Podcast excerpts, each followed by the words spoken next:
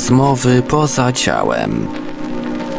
OB, LD i inne zjawiska parapsychiczne omawia Zbyszek Mrugała. Witam serdecznie słuchaczy Infry. Dzisiejszym gościem jest Jarek Brzoma. Witam Cię Jarku. Witam słuchaczy i witam Ciebie. Oczywiście Jarek kontynuuje dalej kwestie świadomości i ciała niefizyczne. Nie zatrzymuj się, pędź tak jak robiłeś to do tej pory. Pędzę, pędzę. Na początek dla rozgrzewki stawiam pierwsze pytanie. Jak powstawały plany fizyczne? Jak wyobraziłeś sobie ich powstawanie i do czego one służą? Rozsuwały się, rozciągały? W jaki sposób się dzieliły? Te plany, te plany to one według mnie to, to wygląda tak. My widzimy wszystko odwrotnie, jak zwykle. To tak jak przewrót kopernikański. Widzimy zupełnie to wszystko w krzywym zwierciadle, bo tak naprawdę jesteśmy marginalną świadomością. Znaczy taką małą przez małe si, bo my jesteśmy fragmentem świadomości, wiadomo, początkowo jakiejś tam już osobowej, a potem już bezosobowej. To słuchaj, to jest tak jak z tym drzewem życia kabalistycznym. To oni dobrze to ujęli. My się po prostu zagłębiamy w przejawienie w coraz cięższe wibracje. Ja się temu wszystkiemu przyjrzałem z drugiej strony, czyli jak ciało buddyczne przechodzi w ciało przyczynowe, potem w mentalne, potem w astralne, a potem w to energetyczne, które właściwie emanuje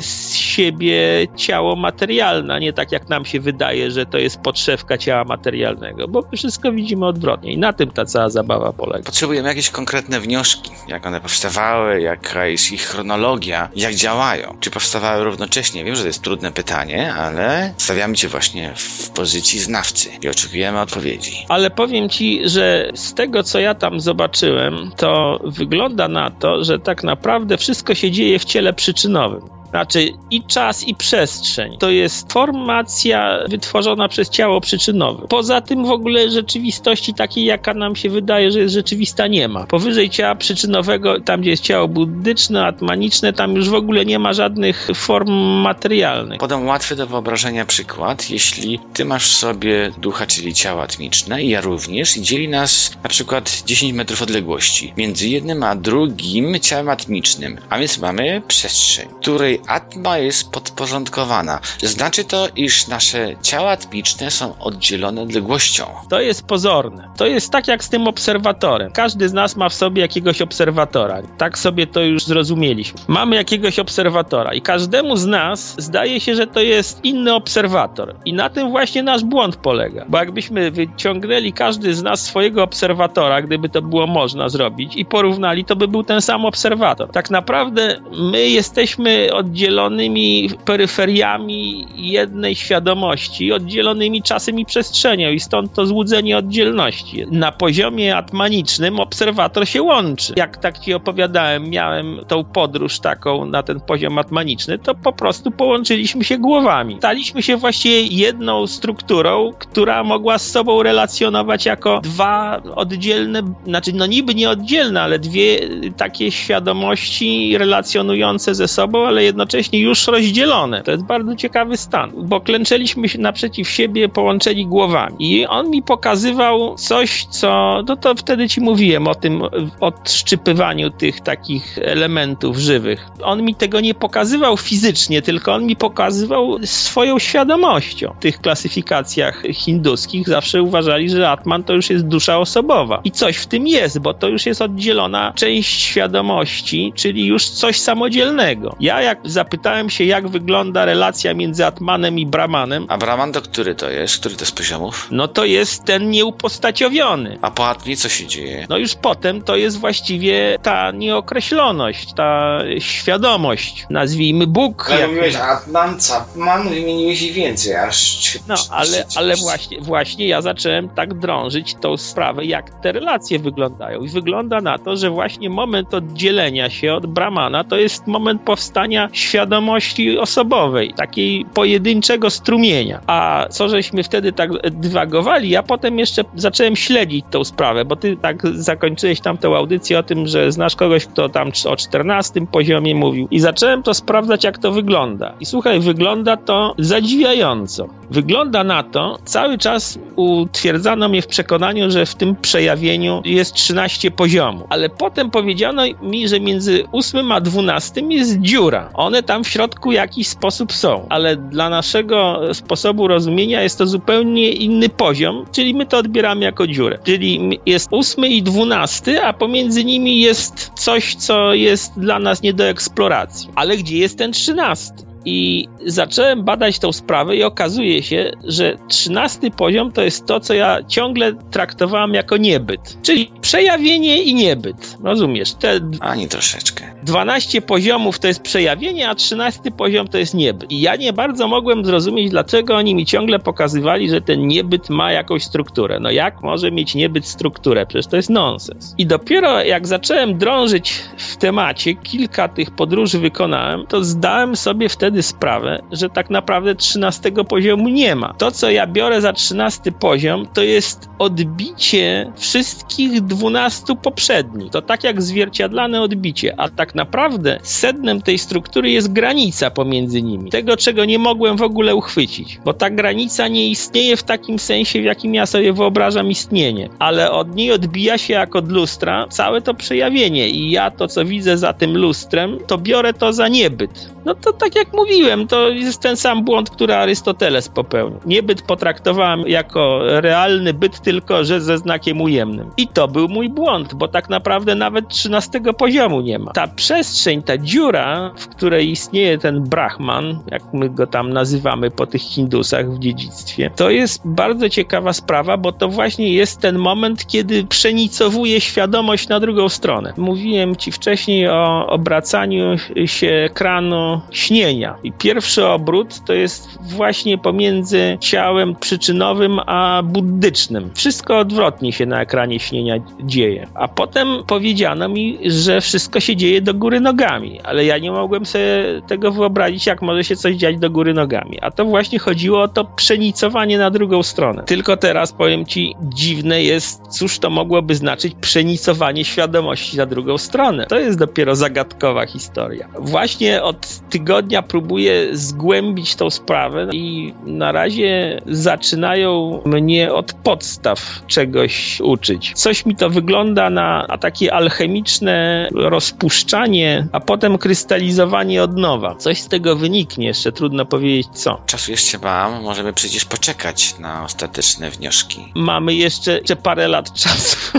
tak, może jeszcze parę lat. Ale ustaliłem jeszcze coś ciekawego. Pamiętasz, jak ci mówiłem o tym, że jestem czarny, a potem zacząłem jeszcze się tłumaczyć, że jestem rodzajem hybrydy, taką czarno-białą hybrydą, srebrną taką. Wyszła bardzo ciekawa rzecz na jaw. Mianowicie, że świadomość ma dwa strumienie. Jeden ma czarny, wstępujący i ja właśnie w nim uczestniczę, a drugi ma biały, wstępujący. Cała ta zabawa polega na tym, że nie my się rozwijamy. Nam się ciągle zdaje, że my wykonujemy jakieś gesty, jakieś postanowienia, że decydujemy się na rozwój duchowy. Jeżeli świadomość, której jesteśmy tą częścią marginalną, nie zdecyduje, to nasze próby są w ogóle imaginacją. Tak naprawdę to świadomość wykonuje te ruchy ewolucji w, w materię i inwolucji z powrotem w stronę Brahmana. A ty spod jakiego jesteś znaku? Wyka. A wiesz, że tak samo jak ja? Jak dwóch braci. A z którego roku? Z 61. Ja też. Teraz ci opowiem, jak to wygląda z tymi dwoma strumieniami. To jest jakaś dziwna korelacja ze znakami zodiaku. Wyobraź sobie taką drabinę z tych wszystkich ciał, od fizycznego do atmanicznego. Widzisz przed sobą taką drabinę? Między ciałem atmanicznym a buddycznym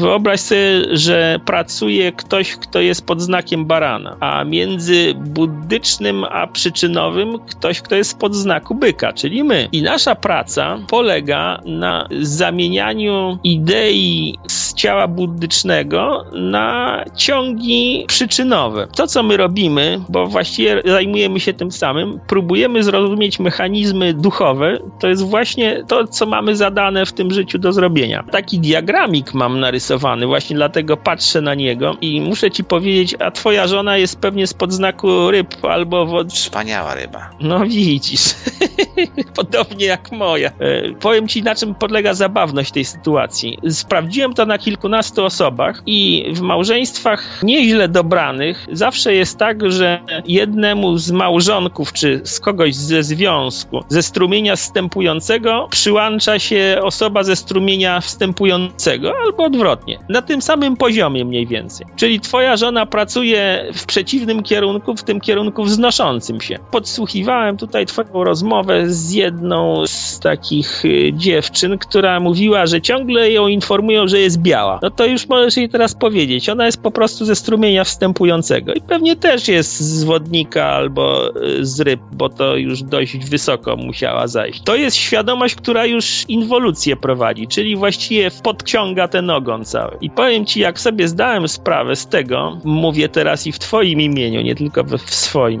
że czeka nas ewolucja aż do samego dołu i właściwie na każdym z tych pięter będziemy rozwijać coraz niższe wibracje i przyjdzie czas, kiedy przestaniemy sobie zdawać sprawę, że mamy stronę duchową, to powiem ci, że zacząłem się buntować. Zacząłem kombinować, czy by się nie dało przeskoczyć do tego strumienia wznoszącego jeszcze za tego życia, żeby zwiać stąd. Nie chcesz być kamieniem? Żeby tak, już, już nie chcę nurkować dalej. I wyobraź sobie... Jeżeli coś poza tym planem fizycznym istnieje, coś jeszcze gęściejszego, coś co ukrywa przed nami jakieś interesujące zagadki. To nie, nie jest wykluczone, ale z tego co obserwuję, ludzie, którzy pracują na poziomie fizycznym i astralnym, raczej są prozaiczni dosyć. A jeżeli się odwraca sytuacja, jak w lustrze, A potem się odwraca sytuacja w lustrze i z tym całym bagażem tego, za przeproszeniem, no nie nazwę, ciągniemy to wszystko do góry. albo przebijamy przez fizyczną podszewkę i trafiamy całkiem gdzieś indziej. Zainteresowałem się, czy nie da się przebić na drugą stronę do drugiego strumienia i wiesz co zrobiłem? Zamówiłem sobie taką podróż i w tej podróży zacząłem przechodzić po schodach przez takie przejście na drugą stronę. I wiesz co się stało, jak już zacząłem, y, jak już byłem na środku tego przejścia? Zatrzasnęły się za mną drzwi i się zorientowałem, że jestem w pomieszczeniu z dwoma wściekłymi bykami. Ale zwróć uwagę na koincydencję. Znak ze strażnikiem przejścia. Byk się tak wściekł, obydwa były w klatkach, ale jeden był bardziej agresywny. Byk się tak wściekł, że zaczął rozwalać tą klatkę. Ja uciekłem na jakieś rupiecie takie, wznoszące się pod sam sufit. W pomieszczeniu była kobieta. I ta kobieta miała jakiś dziwny, mitologiczny związek z tym bykiem, ale jak się obudziłem z tego snu, miałem wrażenie, że spotkałem szatana. Byłem przerażony. Słuchaj, takiej agresji w życiu nie widziałem. To był strażnik przejścia na drugą stronę, czyli tam jest jakieś przejście, tylko ono jest strzeżone. Ten numer podejrzewam, że no jest, wiesz, na miarę Heraklesa, ale jest możliwy. Można zwiać Słyszałeś coś o równoległych światach fizycznych? a słyszałem o równoległych światach fizycznych, ale wiesz z czego te światy e, równoległe wynikają? To, co my nazywamy reinkarnacją i wcieleniami, to one się dzieją w obrębie ciała przyczynowego. Czyli właściwie z punktu widzenia ciała buddycznego, to ciało przyczynowe jest jego ciałem operacyjnym takim. Natomiast z punktu widzenia atmanicznego, ten atman ma wiele takich ciał buddycznych. I to są właśnie światy równoległe i nasze życia równoległe. Znaczy, to są życia równoległe naszej, nazwijmy, no, może nie tyle duszy, ale naszej świadomości wyższej. Także to jest coś takiego jak wędrówka dusz dla ciała buddycznego, to dla ciała atmanicznego te światy równoległe są właśnie tym samym, co dla buddycznego wędrówka dusz w obrębie ciała przyczynowego. Proszę powtórz i wyjaśnij dokładniej. No bo wyobraź sobie, w ogóle dla świadomości ostatnim etapem jest tak naprawdę ciało buddyczne. My to w sposób linearny tłumaczymy, ale to jest wszystko w sobie przecież. Nie ma tam, dalej czy bliżej. Będę mówił ogólnikami, czyli ciało buddyczne generuje w sobie, nazwijmy to ruch, który staje się ciałem przyczynowym. Przecież to wszystko jest to samo ciało. Wstawmy się teraz w rolę konstruktoru świata i zastanówmy się, jak byłoby to rozwiązane technicznie. Jeżeli Atma, mając wiele ciał przyczynowych, wytwarza sobie światy równoległe, to ma to wyobrażenie dla mnie pewien słaby punkt. Byłby to moment, w którym moja jaźń, niby oddzielona, a będąca jednością, tkwi w moim świecie fizycznym, nie wiedząc o innych światach. Nie mówiąc już o użyteczności istnienia równoległych światów fizycznych. Ja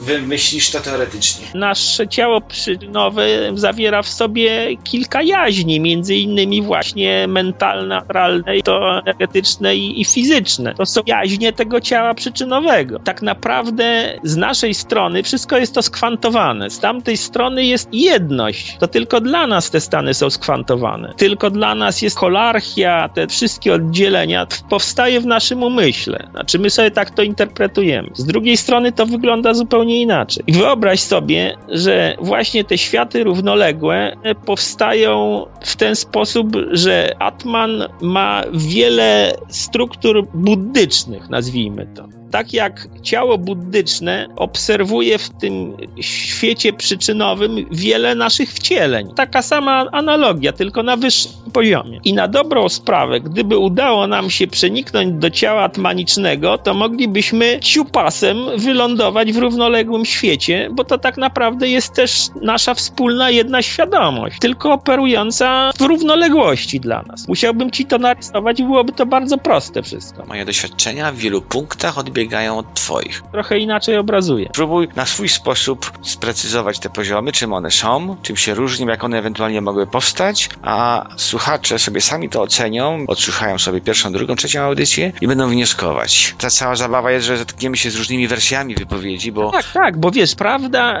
y, ona jest trudno wypowiadalna. To znajdzie trafne porównanie, jakąś trafną przeniośnie, pozwoli innym y, zrozumieć trochę szerzej to. Żaden z nas nie nazwie nazwie tego w 100% nie trafi palcem w oko, bo nie ma takich słów, które by to określiły. Ja dlatego takie dziwaczne różne słowa wymyślam, żeby, no ale to wiesz, trudno komuś wtedy przekazać te moje konstatacje. Zacząłeś mówić o, o poziomach, skąd one się biorą. My zakładamy, ciągle słuchaj, to jest skaza myślenia materialnym umysłem, że tamte struktury są subtelne, ale ciągle są fizyczne. Nie przychodzi nam do głowy, że one są tak naprawdę stanami świadomości. Świadomość jako taka jest przecież niematerialna. Weźmy takie ciało atmaniczne, które jest wypełnione ideami, ale no cóż to znaczy, jak ono może być wypełnione ideami? No to są jakieś zarodki tych idei, no tak by to należało rozumieć, czyli właściwie idee wszystkiego. W moich podróżach y, to miejsce było mi przedstawiane jako rodzaj muzeum, w którym są ulokowane formy. Formy, które przerabiają przerabiają przejawienie nieokreślonego jeszcze rodzaju na struktury. W snach to jest też pokazane w sposób fizyczny, no bo w jaki sposób inaczej można mi to pokazać. Ale kiedy się nad tym zastanawiam, to zaczynam rozumieć, że te idee, kiedy świadomość wytraca, no nazwijmy to pęd, energię, no trudno powiedzieć, czy ta świadomość jest z energii zbudowana, czy no co, cóż to jest świadomość w ogóle. Nikt nie jest mi w stanie odpowiedzieć na pytanie, co to jest świadomość. Gorzej, nikt nie jest w stanie mi odpowiedzieć, co to jest energia. Każdy mi powie, że kinetyczna, taka, owaka, ale nikt nie jest w stanie opowiedzieć, co,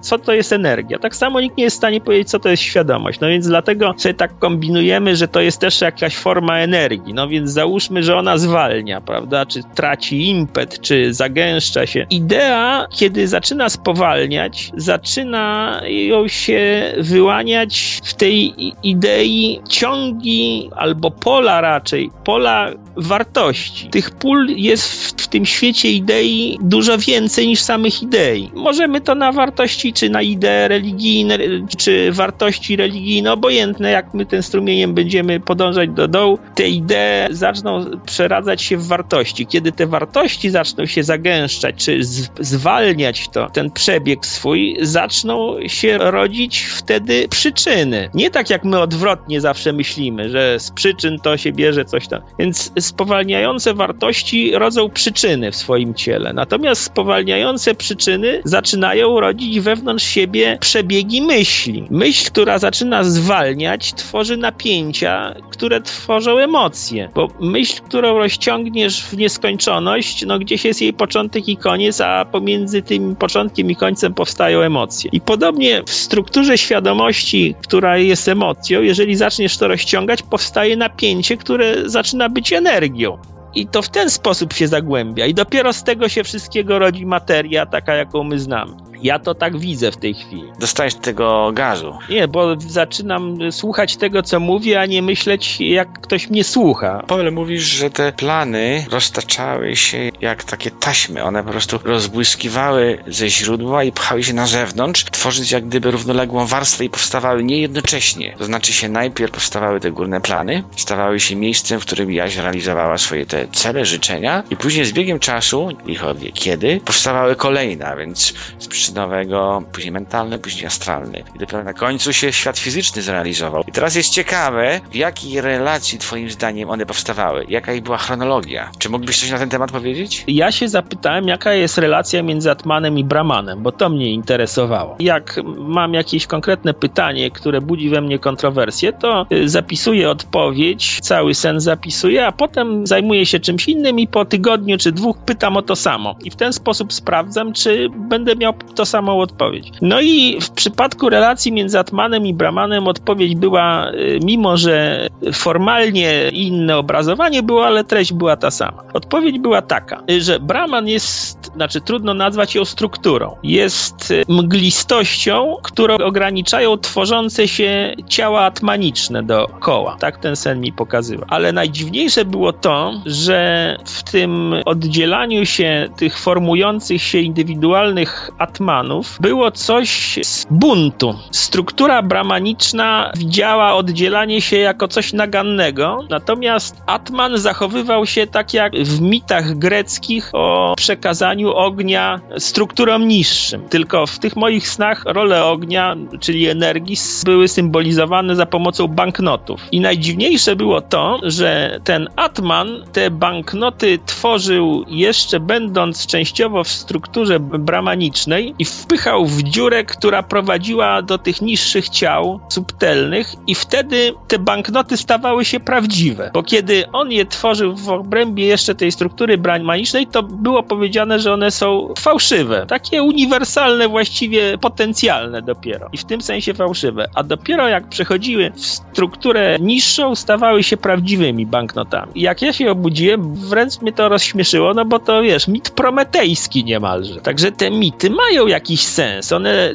przekazują w tej swojej symbolice emocje, no trudno nazwać tam, że tam jakieś emocje powstają, ale jakieś rodzaje napięcia, które możemy sobie wytłumaczyć w nasz ludzki sposób. Także naprawdę te mity warto studiować, bo tam bardzo dziwne rzeczy się dzieją. To samo z tym strażnikiem przejścia, z tym rozwścieczonym bykiem. To ten byk był powstrzymywany przez jego formę żeńską, a odbywało się to jak w strasznej greckiej tragedii, bo ten byk z tą kobietą kopulował, ona rodziła dzieci, on je pożerał i to było wszystko w jednym ciągu, tak jakby przepływało w jednym kole. Ja byłem tym tak przerażony, bo agresja była jakaś nieokiełznana, wszystko to było w tym kole narodzin i pożerania, to tak jak Kronos pożerał te dzieci. Ja stałem pod sufitem na jakiejś kupie śmieci, bałem się ruszyć, bo obawiałem się, że to wszystko zaburzę całą tą energię i to wszystko mnie pochłonie. I to wszystko w tym przejściu pomiędzy tymi strumieniami białym i czarnym się działo. Podejrzewam, że gdyby trzeba by było takich śniących z różnych poziomów rozwoju zapytywać, czy oni też spotykają strażników przejścia adekwatnych do swoich poziomów. To byłoby bardzo ciekawe, gdyby tak porównać kilku, kilkunastu śniących i ich relacje. Pytamy się ich o co, czy spotykali kogoś przy byku? Nie, ja myślę, że ja byka spotkałem, bo ja jestem spod znaku byka. Te znaki zodiaku, one wcale nie są przypadkowe. Myślę, że jakby ktoś próbował przeskoczyć z potoku na poziomie tego ciała tmanicznego z barana do ryb, to pewnie by spotkał barana jakiegoś wściekłego, albo może właśnie tą wielką rybę, co Jonasza połknęła. Także mogłoby to naprawdę być kapitalnym materiałem porównawczym. Wyobrażasz sobie na przykład raka próbującego przeskoczyć do strzelca i spotykającego wielkiego kraba, który mu chce głowę odciąć. Darek mówił, że spotkał ostatnio skorpiona, jakiegoś raka paskudnego. Mówił, że był straszniejszy niż najstraszniejszy demon. Y, Trzeba byłoby się zapytać, spod jakiego znaku jest Darek. Czy Ale skorpiona nie ma. Raka, musiałby być rak. albo rak, albo strzelec, no ale raczej rak. To jest, słuchaj, otchłań informacji. Y, Problem jest z interpretacją tego wszystkiego, bo do informacji owszem można dojść, tylko ona na pewnym poziomie nie jest w żaden sposób dla nas.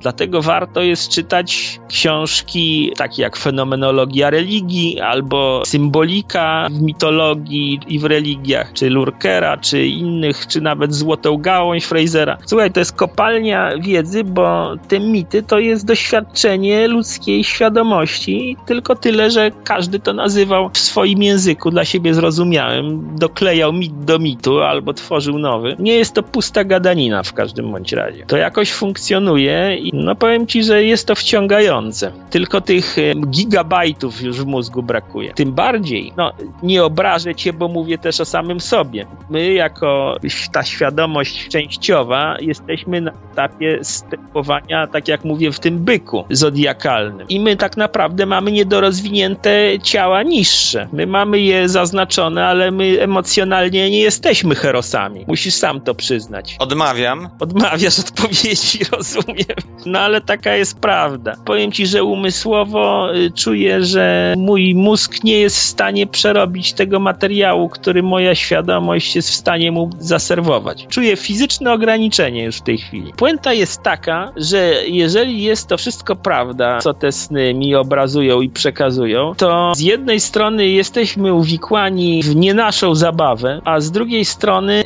jednak możemy próbować się sprzeciwić. Tylko teraz pytanie, czy to jest nasz indywidualny ludzki sprzeciw, czy świadomość, kiedy czuje, że jest zdemaskowana i nie wykrzesze z tego człowieka więcej cierpienia i emocji, to sama rezygnuje i zaczyna wracać z tym strumieniem wstępującym, czy mimo wszystko wepchnie mnie w kolejne życia i w kolejne niższe poziomy. W buddyzmie i w hinduizmie jest znane coś takiego jak zawieszenie karmy, prawda? Jest coś takiego. Następuje w pewnym momencie zrozumienia, kiedy człowiek uświadamia sobie strukturę tego wszystkiego, następuje zawieszenie karmy, no i być może jest to właśnie ten moment, kiedy udaje się przechodzić przez ten przesmyk pomiędzy dwoma strumieniami. Tym bardziej, że po paru tygodniach szturmowania tego przejścia, wiesz co się okazało? Każde z ciał ma co najmniej trzy poziomy. Próbowałem wyjść z ciała buddycznego tym najwyższym poziomem, ale cały czas trzymano drzwi. W środkowym przystawiono mi karabin do głowy, ale w dolnym udało mi się otworzyć w dolnym dolne okno i uciec na drugą stronę strumienia czasu. I tym razem, jak już przechodziłem, to nie było rozwścieczonego byka, tylko była spokojnie stojąca krowa w zagrodzie. Myślisz, że to była prowokacja? Nie. Czułem przed nią we śnie respekt. Nie chciałem za blisko podchodzić, tak jakbym się obawiał, że się zdenerwuje, ale nie zareagowała na moje przejście. Czyli być może ten przesmyk się już otwiera, może się otworzył. No to wiesz, to jeszcze wymaga długiego opracowania, ta cała historia. Tym bardziej, że to jest, wiesz, eksperyment na żywym organizmie, czyli ja na samym sobie eksperymentuję. Okaże się, jaki będzie tego finał. Przestałem się obawiać o własny rozum, stan mojej świadomości, bo początkowo obawiałem się, że doprowadzi to do jakiegoś szaleństwa, ale w tej chwili ustabilizowałem się. Powiem ci, że właściwie nawet w, jakiś, w jakimś sensie zdystansowałem. U Powela wiesz jak było? Oni mieli coś takiego, że te strefy, poziomy, wylatując ze źródła, na początku pędziła jedna wiązka, jak wstążka. Ona w tym momencie się rozdwoiła i w tym momencie leciały już dwie. I dopiero za jakiś czas jedna się rozdwoiła, leciały już trzy. No to, I one, w ten sposób zakazano i on, one się i tak, dochodziło jeszcze tak, więcej. Tak, przenikały i ta struktura stawała się, ja znam tę ikonografię całą. Wiesz co, y, on zakłada ciągle, że już istnieje przestrzeń. Wszystko wskazuje, że do atmy mamy przestrzeń. Rozmawiałem kiedyś z takimi z osobami, które mówią, że widzą przestrzeń tą, z czego ona jest utkana i wypatrzyły w niej jakąś taką dziwną strukturę. Ja nie miałem nigdy okazji zobaczyć tego. Uwagi wydawały mi się interesujące. One gdzieś spoza planu atmicznego się ciągną. Właśnie dlatego mnie dziwiła ta dziura między ósmym a dwunastym poziomem. Tym bardziej, że wcześniej mi powiedziano, że moje źródło jest na poziomie dziesiątym, czyli w tej dziurze, rozumiesz? A jeszcze jest jedno takie pytanie. Jak sobie wyobrażasz istnienie jeszcze jednego z poziomu gęściejszego trudniejszego niż świat fizyczny. Bo to już jest dla mnie trudniejsze od zadań matematycznych. Wyobrażenie sobie takiej gęstości, która jest jeszcze bardziej zagęszczona, spowolniona niż ten świat fizyczny. I jak by mogła się tam w niej świadomość odnaleźć? Co ona by mogła zrobić? Czymś Nie wiem, czy ta świadomość już w ogóle by mogła być świadoma. Mnie się zdaje, że świadomość dociera do momentu, kiedy traci świadomość samej siebie. Jeżeli nie może być sama siebie świadoma, to właściwie traci to sens. Mnie w każdym bądź razie, jak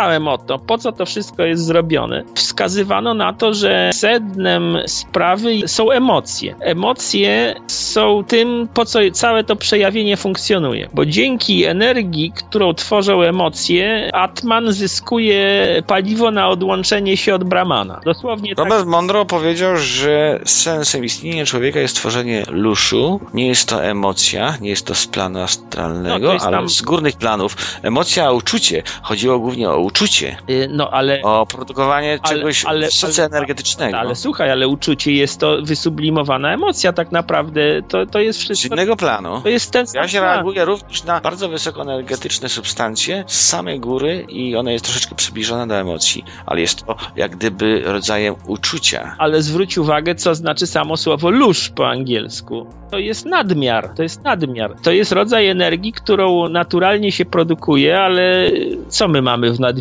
Emocji mamy zawsze w nadmiarze, co by jeszcze bardziej potwierdzało. Myślałem, że byki mają rozumu w nadmiarze. E, Byki to mają, wiesz, jak się byk rozpędzi, to dziurę w murze wybije głową. On się To są emocje czy razem? E, To jest po prostu. e, Pamiętaj, że pracujemy między e, ciałem buddycznym a przyczynowym. Czyli to jest po prostu przyczyna. Czyli to jest następstwo. To jest następstwo dopiero. Byki nie są. Realizacja Powiem ci, że byki nie są emocjonalne właśnie dlatego, że to jest takie trochę tempe i ślepe. Na tym kończymy. Super się z tobą rozmawia jak zwykle. Jesteś nie do pokonania. Dziękuję ci Jarku. Bardzo dziękuję, że chcieliście mnie posłuchać i ciebie, Zbyszku, żeś mnie zaprosił. I czuję się onieśmielony, bo jak ja się rozgadam, to mam wiele do powiedzenia, ale jak oprzytomnieję, to trochę mi wtedy jest nieswojo, że być może zbyt wiele, zbyt dziwnych rzeczy naopowiadałem. Miejmy nadzieję, że nie będziesz się wstydził, jak odsłuchasz siebie w czasie audycji. Miejmy nadzieję. Dziękuję ci jeszcze raz i żegnam słuchaczy. Dziękuję. Zapraszałem za tydzień. Do widzenia. Do usłyszenia. Produkcja i realizacja Portal Infra www.infra.org.pl Archiwalne odcinki audycji Rozmowy poza ciałem znajdziesz w archiwum Radia Paranormalium na stronie radio.paranormalium.pl.